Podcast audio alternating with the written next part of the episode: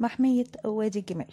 هي محمية بيوجد معظمها في الصحراء الشرقية والجزء الباقي منها في البحر الأحمر في مصر وأعلنت المنطقة محمية طبيعية عام 2003 وده لأن المحمية بيوجد فيها أنواع نادرة من الأشجار والنخيل وكمان بيوجد فيها أنواع من الغزلان والنسور وصقور اسمها الغروب والأرانب. وكان بيعيش فيها سكان من قبائل العبابدة اللي اتكلمنا عنها قبل كده. طب يا ترى ليه اتسمت المحمية بوادي جمال؟ المحمية كان فيها نوع من أنواع النباتات والأعشاب وكانت الجمال بيحبوا ياكلوها جدا. عشان كده الجمال كانت بتهرب من القبائل بتاعتها وبتروح للمنطقة ديت علشان تستمتع بطعم العشب. ومع مرور الوقت عرفت القبائل إن الجمال الضايعة منها بتروح فين. عشان كده سموا المنطقة بوادي الجمال علشان لقوا إن الجمال بتتجمع هناك. ده غير إن هم سموها بأرض الجمال التائهة. وبكده نكون عرفنا ليه اتسمت محمية وادي الجمال بالاسم ده.